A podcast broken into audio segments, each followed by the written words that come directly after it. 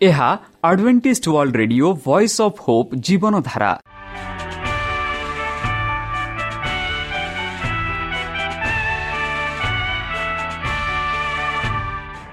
Odia radio କାର୍ଯ୍ୟକ୍ରମ ଯାହା ଆମର ଆନ୍ତର୍ଜାତୀୟ ଆଘାତ କେନ୍ଦ୍ରରୁ ପ୍ରସାରଣ କରାଯାଉଛି ପ୍ରତିଦିନ ରାତି ନଅଟା ତିରିଶ ମିନିଟ୍ରେ।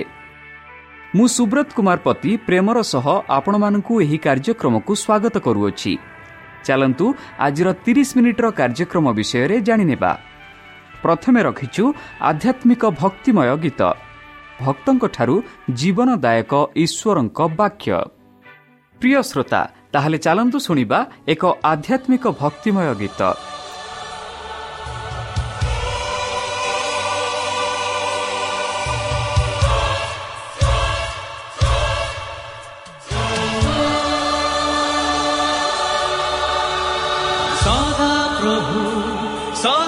প্রভু মোর দ্বিতীয় ভয় করিবি কাহ তুমি ভয় করিবি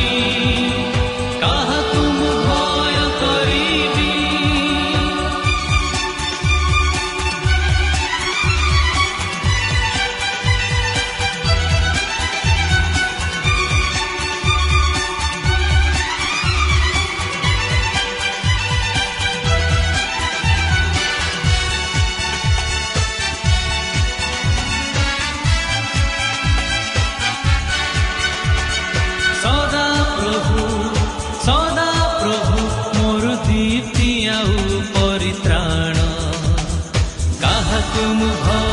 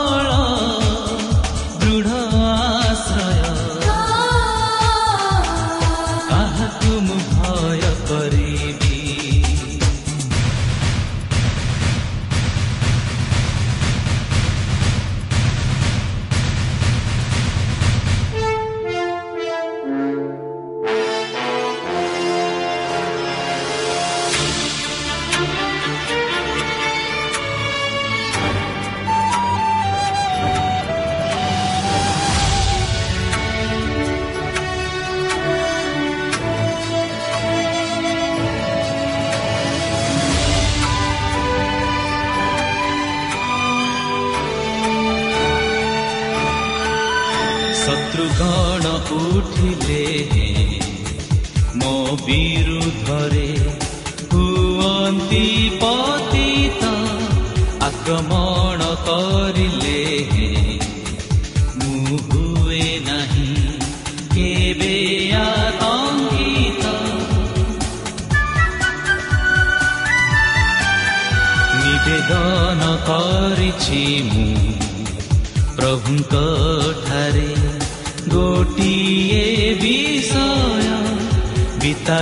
ବିତାଇବି ଜୀବନ ମୁଁ। ତାଙ୍କ ଗୃହରେ ସେ ମଙ୍ଗଳମୟ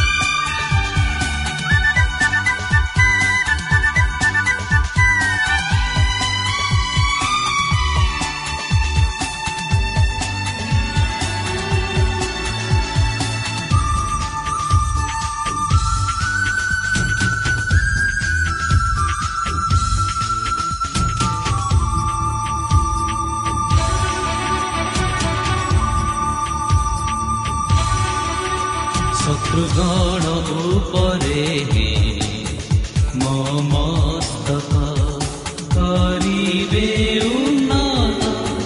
प्राङ्गणरे ताहन्तर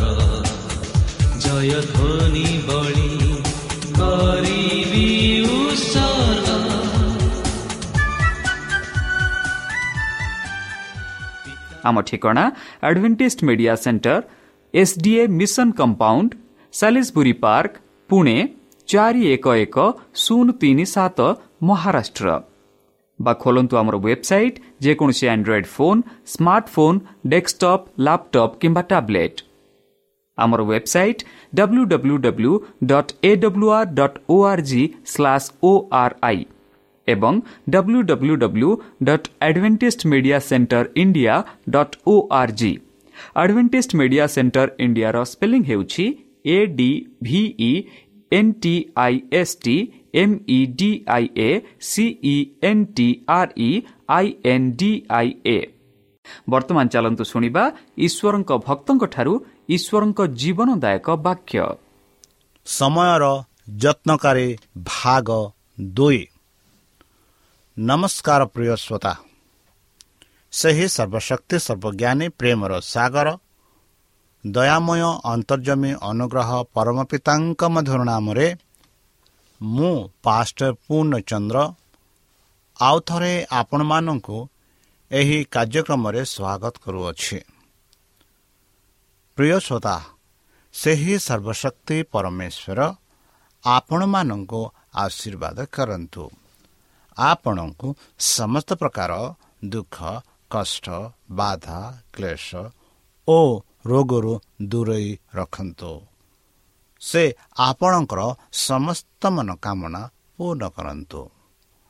ଆପଣଙ୍କୁ ତାହାଙ୍କ ପ୍ରେମ ତାହାଙ୍କ ସ୍ନେହ ତାହାଙ୍କ କୃପା ତାହାଙ୍କ ଅନୁଗ୍ରହ ଦ୍ୱାରା ତାଙ୍କ କୋଳରେ ରଖନ୍ତୁ। ପ୍ରିୟସତା ଚାଲନ୍ତୁ ଆଜି ଆମ୍ଭେମାନେ କିଛି ସମୟ ତାହାଙ୍କ ପବିତ୍ର ଶାସ୍ତ୍ର ବାଇବଲ ଦ୍ୱାରା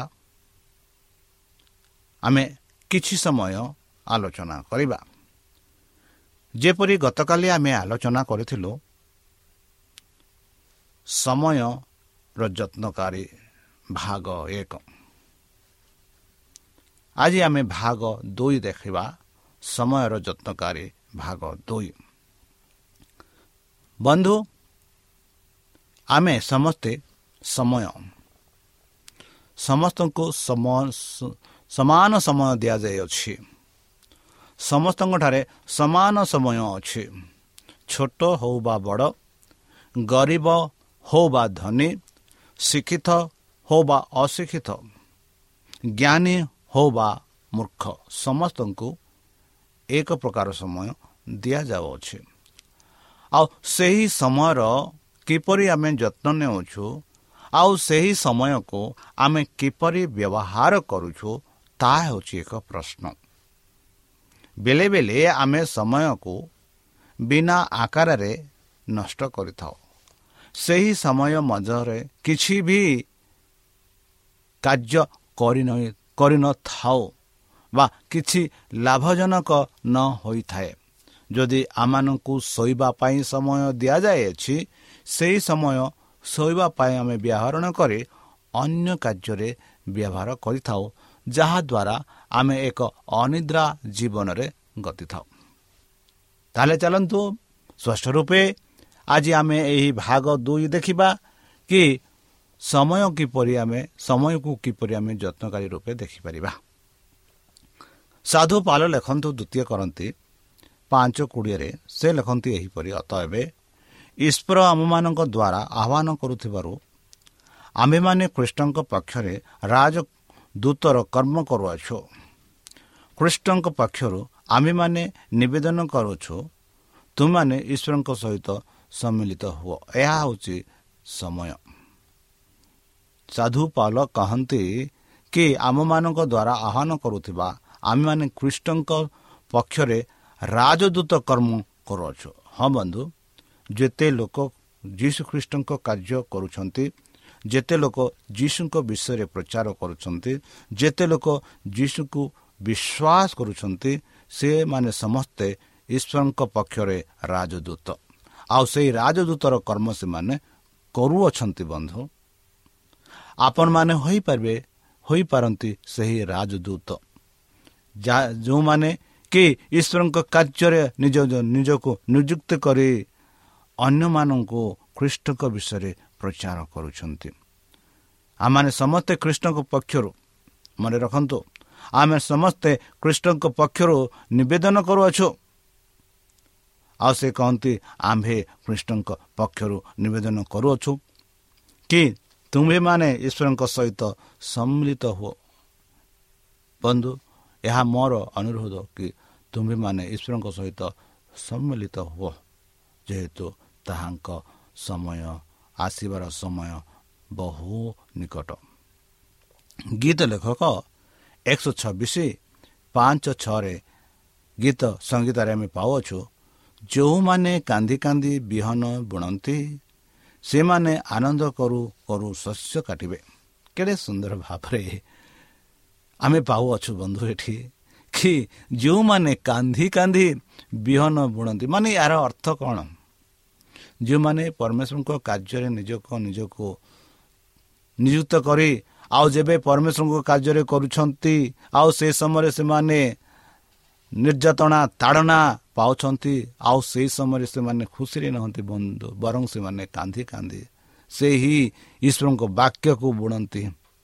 ଆଉ ଯେବେ ସେହି ବୁଣିବା ବାକ୍ୟ ଯେବେ ଶସ୍ୟ ରୂପେ ବାହାରେ ଯେବେ ସେମାନେ ଶସ୍ୟକୁ କାଟିବା ପାଇଁ ସମୟ ଯାଆନ୍ତି ସେତେବେଳେ ସେମାନେ ବହୁତ ଖୁସି ହୁଅନ୍ତି। ବନ୍ଧୁ ଆମେ ଯଦି ସାଂସାରିକ ଜୀବନରେ ଯଦି ଆମେ ଦେଖିବା ଆମେ ଗ୍ରୀଷ୍ମ ଗ୍ରୀଷ୍ମ ଋତୁ ହେଲା ପରେ ଆମେ ବିହନ ଦେଇଥାଉ ଆଉ ସେ ବିହନର ଯତ୍ନ ନେଇଥାଉ। ବେଲେ ବେଲେ ବର୍ଷା ନହେଲେ ପାଣି ବହି ଏହା ବହି ତାହା ବହି ସେହି ଶସ୍ୟର ସେହି ବିହନ ଯତ୍ନ ଯତ୍ନ ନେଇଥାଉ। ଆଉ ଯେବେ ସେ ବିହନ ବଡ଼ ବଡ଼ ହୋଇ ଗଛ ହୋଇ ଯେବେ ବହୁ ଫଳ ହୁଏ ଯେବେ ସେ ଗଛରୁ ଶସ୍ୟ କାଟିବୁ ଆମେ ବହୁତ ଖୁସି ହୋଇଥାଉ। ସେହିପରି ଗୀତ ଲେଖକ କହନ୍ତି ଯେଉଁମାନେ କାନ୍ଦି କାନ୍ଦି ବିହନ ବୁଣନ୍ତି ସେମାନେ ଆନନ୍ଦ କରୁ କରୁ ଶସ୍ୟ କାଟିବେ। ଯଦ୍ୟପି ସେ ବିହନ ବହି କାନ୍ଦି କାନ୍ଦି ଆପଣା ପଥରେ ଯାଏ ତଥାପି ସେ ବିଡ଼ା ଘିନି ଆନନ୍ଦ ଘରୁ ଘରୁ ନେଉଡ଼ି ଆସିବା। ବନ୍ଧୁ କେଡ଼େ ସୁନ୍ଦର କୁହନ୍ତି। ଯଦ୍ୟପି ସେ ବିହନ ବହି କାନ୍ଦି କାନ୍ଦି ଆପଣା ପଥରେ ଯାଏ ତଥାପି ସେ ବିଡ଼ା ଘେନି ଆନନ୍ଦ କରୁ ଘରୁ ନେଉଟି ଆସିବ। ବନ୍ଧୁ କେଡ଼େ ସୁନ୍ଦର ରୂପେ ଗୀତ ଲେଖକ କହନ୍ତି କି ଯେଉଁ ଶସ୍ୟ ଆମେ କାଟୁ ଯେଉଁ ବିଡ଼ା ଆମେ ବହୁ ତାହାର ସମୟ ଅଛି। ଆଉ ସେହି ସମୟ ପ୍ରକାରେ ଆମେ ସେ ଶସ୍ୟକୁ କାଟୁ ଓ ସେହି ଶସ୍ୟକୁ ଆମେ ସଂଗ୍ରହ କରିଥାଉ। ଜହନ ଚାରି ପଇଁତିରିଶରେ ଆମେ ପାଉଛୁ ଏହିପରି। ଶସ୍ୟ କାଟିବାକୁ ଆହୁରି ଚାରି ମାସ ଅଛି। ଏହାକି ତୁମେମାନେ କୁହ ନାହିଁ? ଦେଖ ମୁଁ ତୁମମାନଙ୍କୁ କହୁଅଛି କ୍ଷେତ୍ର ଗୁଡ଼ିକ ପ୍ରତି ଦୃଷ୍ଟିପାତ କର। ସେହିସବୁ କାଟି କଟାଯିବା ନିମନ୍ତେ ପାଚିଗଲାଣି। ବନ୍ଧୁ ବର୍ତ୍ତମାନ ସାରା ପୃଥିବୀରେ ଆମେ ଦେଖୁଅଛୁ ବନ୍ଧୁ ଖ୍ରୀଷ୍ଟଙ୍କ କାର୍ଯ୍ୟ ବିଭିନ୍ନ ପ୍ରକାରରେ ଚାଲୁଅଛି। ପ୍ରଚାରଙ୍କ ମାଧ୍ୟମ ଦ୍ୱାରା ପାଦ୍ରିକ ମାଧ୍ୟମ ଦ୍ୱାରା ରେଡ଼ିଓ ମାଧ୍ୟମ ଦ୍ୱାରା ଟେଲିଭିଜନ ମାଧ୍ୟମ ଦ୍ୱାରା ଆଉ ବର୍ତ୍ତମାନ ଯାହା ଆମେ କହୁଛୁ ସୋସିଆଲ ନେଟୱାର୍କ ତାହା ଦ୍ୱାରା ମିଡ଼ିଆ ଦ୍ୱାରା ପ୍ରଭୁଙ୍କ ବାକ୍ୟ ପ୍ରଚାର କରାଯାଉଅଛି। ଆଉ ଲୋକମାନେ ପ୍ରସ୍ତୁତି ଅଛନ୍ତି। ଆଉ ଏହା ସେହି ସମୟ ସେହି ଶସ୍ୟ କାଟିବା ସମୟ। ଯୀଶୁ ଖ୍ରୀଷ୍ଟ ସେହି ସମୟ ଆସିଗଲାଣି ବୋଲି କହୁଅଛନ୍ତି। ଯେପରି ଆମେ ବେଲେ ବେଲେ ବିଚାର କରିଥାଉ କି ଶସ୍ୟ କାଟିବାର ସମୟ ଆଉ ଚାରି ମାସ ଅଛି। ଆଉ ଏହା ପାଚି ନାହିଁ। ମାତ୍ର ଆମେ ଏଠି ପାଉଛୁ କେଡ଼େ ସୁନ୍ଦର ଭାବରେ ଯୀଶୁ ଖ୍ରୀଷ୍ଟ ଆପଣା ଶିଷ୍ୟମାନଙ୍କୁ କହୁଛନ୍ତି କେଡ଼େ ସୁନ୍ଦର ଭାବରେ। ତୁମେ ଦୃଷ୍ଟିପାତ କରି ଦେଖ। ସେହିସବୁ କଟାଯିବା ନିମନ୍ତେ ପାଚିଗଲାଣି। ହଁ ବନ୍ଧୁ ଆମେ ଯେଉଁ ସମୟରେ ବାସ କରୁଅଛୁ ଆମ ଚାରିପାଖରେ ଯୀଶୁଖ୍ରୀଷ୍ଟଙ୍କୁ ବିଶ୍ୱାସ କରିବା ଲୋକ ଅଛନ୍ତି। ଆମେ ମାତ୍ର ହିଁ କାଟିବାର ଆବଶ୍ୟକ। ସେମାନଙ୍କୁ ଯାଇ ସଂଗ୍ରହ କରିବାର ଆବଶ୍ୟକ। ଯୀଶୁ ଖ୍ରୀଷ୍ଟ କହୁଛନ୍ତି ତୁମେ ଯୁଗ ଜାଗ ନାହିଁ ଚାରି ମାସ ତୁମେ ଜାଗ ନାହିଁ ଛଅ ମାସ ତୁମେ ଜାଗ ନାହିଁ ଶସ୍ୟ ପ୍ରସ୍ତୁତ ହୋଇଅଛି ପାଚିଗଲାଣି ଯାଇ ତୁମେ ତୁମ ଦା ନେଇ କାଟିକରି ସଂଗ୍ରହ କର ବୋଲି ଯୀଶୁଖ୍ରୀଷ୍ଟ କହୁଛନ୍ତି। ତାହା ହିଁ ବର୍ତ୍ତମାନ ସମୟ। ସମୟ ଯାହାକି ଆମେ ସଞ୍ଚୟ କରିବା। ଈଶ୍ୱରଙ୍କ ପାଇଁ ଆତ୍ମା ସଞ୍ଚୟ କରିବା। ଈଶ୍ୱରଙ୍କ ପାଇଁ ତାହାଙ୍କ ବାକ୍ୟ ଅନ୍ୟମାନଙ୍କ ପାଇଁ ପ୍ରଚାର କରିବା। ଈଶ୍ୱରଙ୍କ ପାଇଁ ଯେପରି ସେମାନେ ଈଶ୍ୱରଙ୍କ ସହ ସ୍ୱର୍ଗରାଜ ଯାଇପାରିବେ ତାହା ହିଁ ଆମର କର୍ତ୍ତବ୍ୟ। ବନ୍ଧୁ ଯାତ୍ରା ପୁସ୍ତକ ଏକତିରିଶ ପନ୍ଦରରେ କୁହାଯାଉଅଛି ଛଅ ଦିନ କାର୍ଯ୍ୟ କରାଯିବ। ମାତ୍ର ସପ୍ତମ ଦିନ ସଦାପ୍ରଭୁଙ୍କ ଉଦ୍ଦେଶ୍ୟର ପବିତ୍ର ମହାବିଶ୍ରାମ ଦିନ। ସେହି ବିଶ୍ରାମ ଦିନରେ ଯେ କେହି କାର୍ଯ୍ୟ କରାଇ ନିଶ୍ଚିତ ତାହା ପ୍ରାଣ ପ୍ରାଣଦାଣ୍ଡ ହେବ। ବନ୍ଧୁ ପରମେଶ୍ୱର ଯେବେ ଏହି ପୃଥିବୀ ସୃଷ୍ଟି କଲେ ଆମେ ଦେଖୁଛୁ ସୃଷ୍ଟିର ସୂଚିକା। ଆମେ ଦେଖୁଛୁ ପରମେଶ୍ୱର ଏହି ପୃଥିବୀକୁ ସୃଷ୍ଟି କରିବା ପାଇଁ ସାତ ଦିନ ନେଇଥିଲେ। ଆଉ ସେହି ସାତ ଦିନରେ ପ୍ରତ୍ୟେକ ନିର୍ଦ୍ଦିଷ୍ଟ ସମୟରେ ପ୍ରତ୍ୟେକ ଜିନିଷ ସୃଷ୍ଟି ହୋଇଥିଲା।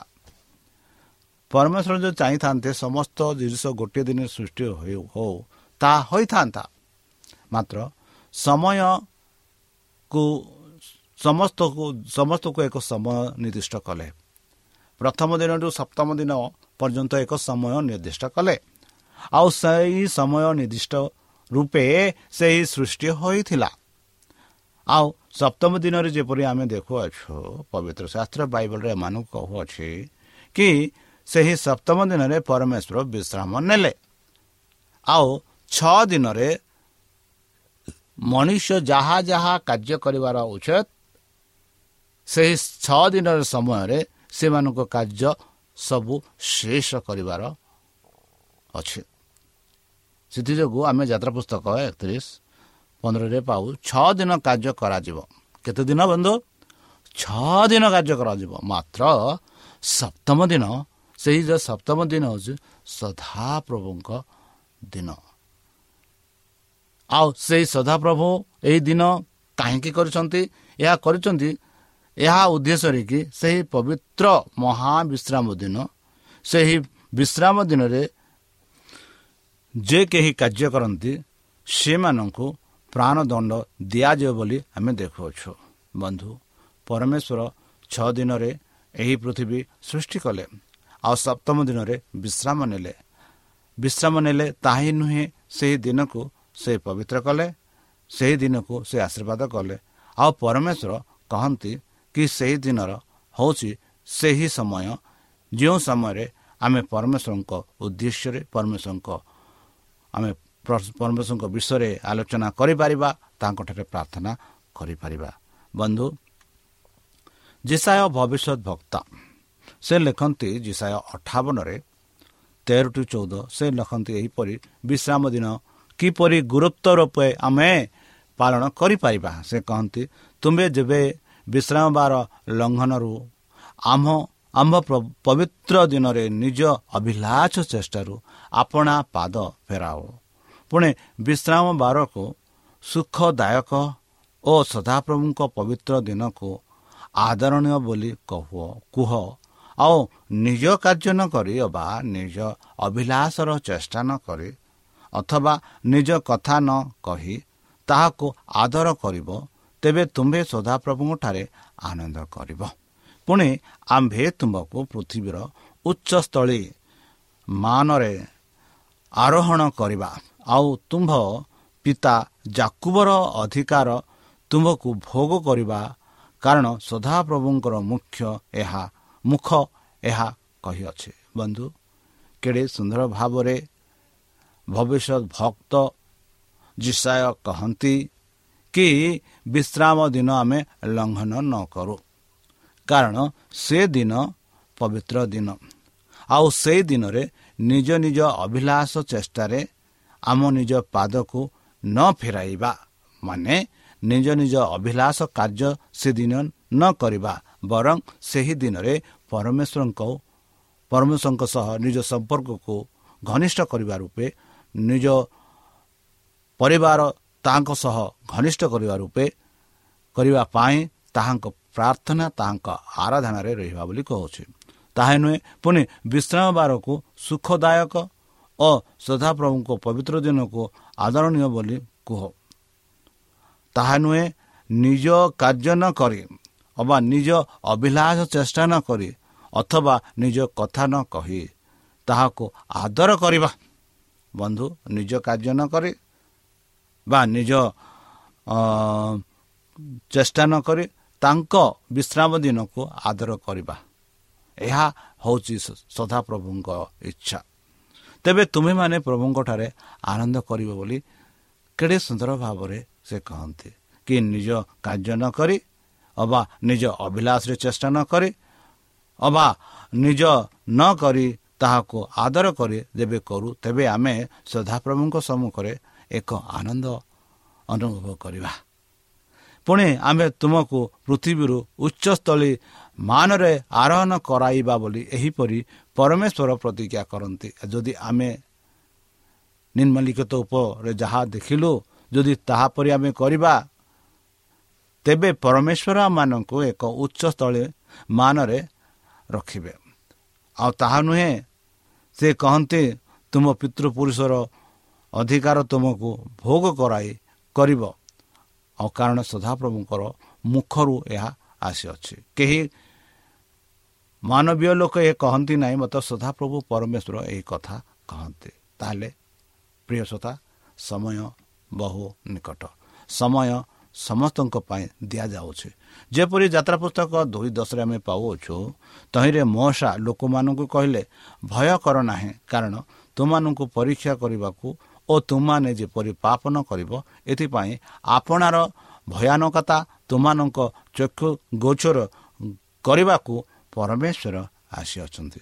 ଦେଖନ୍ତୁ ପରମେଶ୍ୱର ଇସ୍ରାଏଲ ପ୍ରଜାମାନଙ୍କୁ ସାକ୍ଷାତ କରିବାକୁ ଆସୁଛନ୍ତି ଆଉ ଈଶ୍ୱରଙ୍କ ଦାସ ମଶା କହନ୍ତି ତୁମେ ଭୟ କରଣ କାରଣ କର ନାହିଁ କାରଣ ସଦାପ୍ରଭୁ ତୁମମାନଙ୍କୁ ସାକ୍ଷାତ କରିବାକୁ ଆସିଅଛନ୍ତି ବୋଲି କୁହନ୍ତି। ଲୁକ ଛଅ ପାଞ୍ଚରେ ଆମେ ପାଉଅଛୁ। ଆଉ ସେ ସେମାନଙ୍କୁ କହିଲେ ମନୁଷ୍ୟ ପୁତ୍ର ବିଶ୍ରାମ ବାରର ପୁତ୍ର ଅଟନ୍ତି। ବନ୍ଧୁ କେଡ଼େ ସୁନ୍ଦର ଭାବରେ ପବିତ୍ର ଶାସ୍ତ୍ରମାନଙ୍କୁ କହୁଛି କି ସେହି ବିଶ୍ରାମ ଦିନ କାହାର ଦିନ ହେଉଛି? ମନୁଷ୍ୟ ପୁତ୍ରର ପ୍ରଭୁ ପରମେଶ୍ୱର ସେହି ଦିନକୁ ବିଶ୍ରାମ ଦିନକୁ ଆରମ୍ଭ କରିଥିଲେ।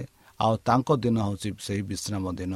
ଆଉ ସେହି ବିଶ୍ରାମ ଦିନର ପ୍ରଭୁ ଅଟନ୍ତି ପରମେଶ୍ୱର ଯୀଶୁଖ୍ରୀଷ୍ଟ।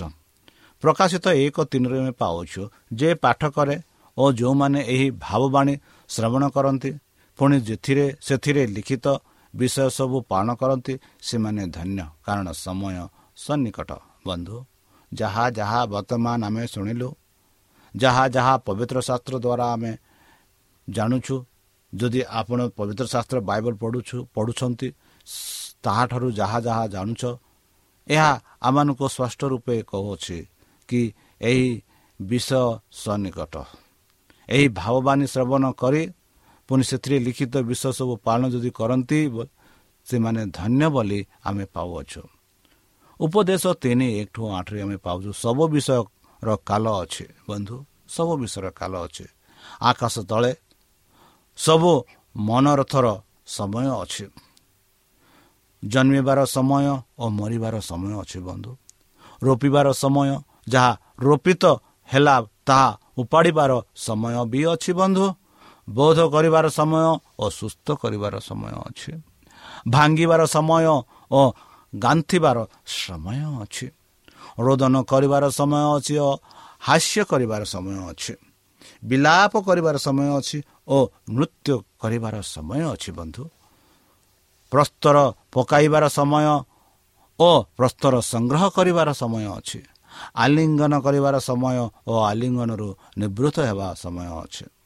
ଅନ୍ୱେଷଣ କରିବାର ସମୟ ଓ ହଜାଇବାର ସମୟ ଅଛି ବନ୍ଧୁ। ରଖିବାର ସମୟ ଓ ପକାଇ ଦେବାର ସମୟ ଅଛି।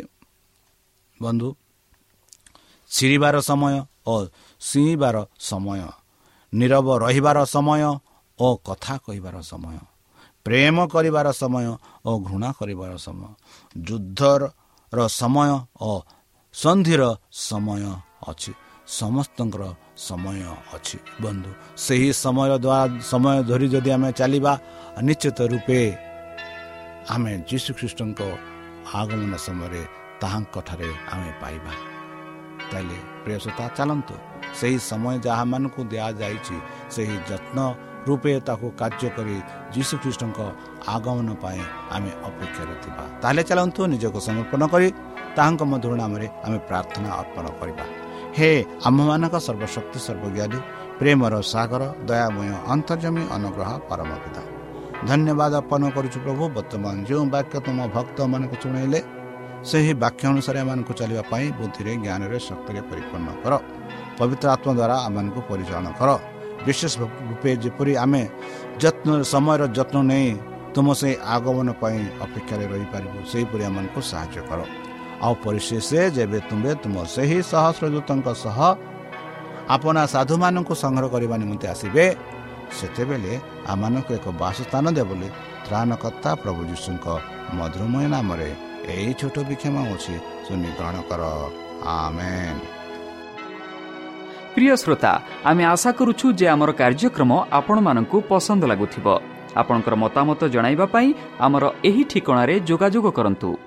ଆମ ଠିକଣା Advantage Media Centre SDA mission compound Salisbury Park Pune ଚାରି ଏକ ଏକ ଶୂନ ତିନି ସାତ ମହାରାଷ୍ଟ୍ର।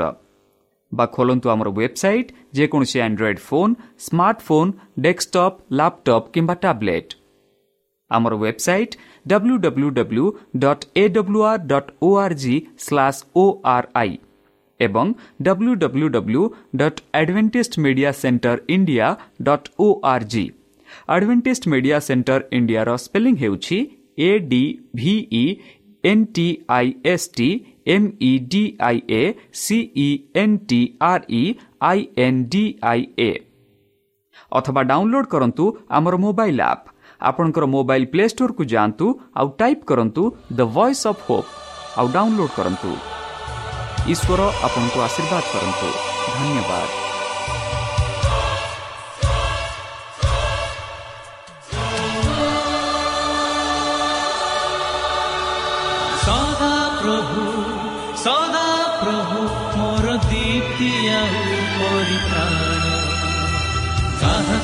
କାହାକୁ ମୁଁ ଭୟ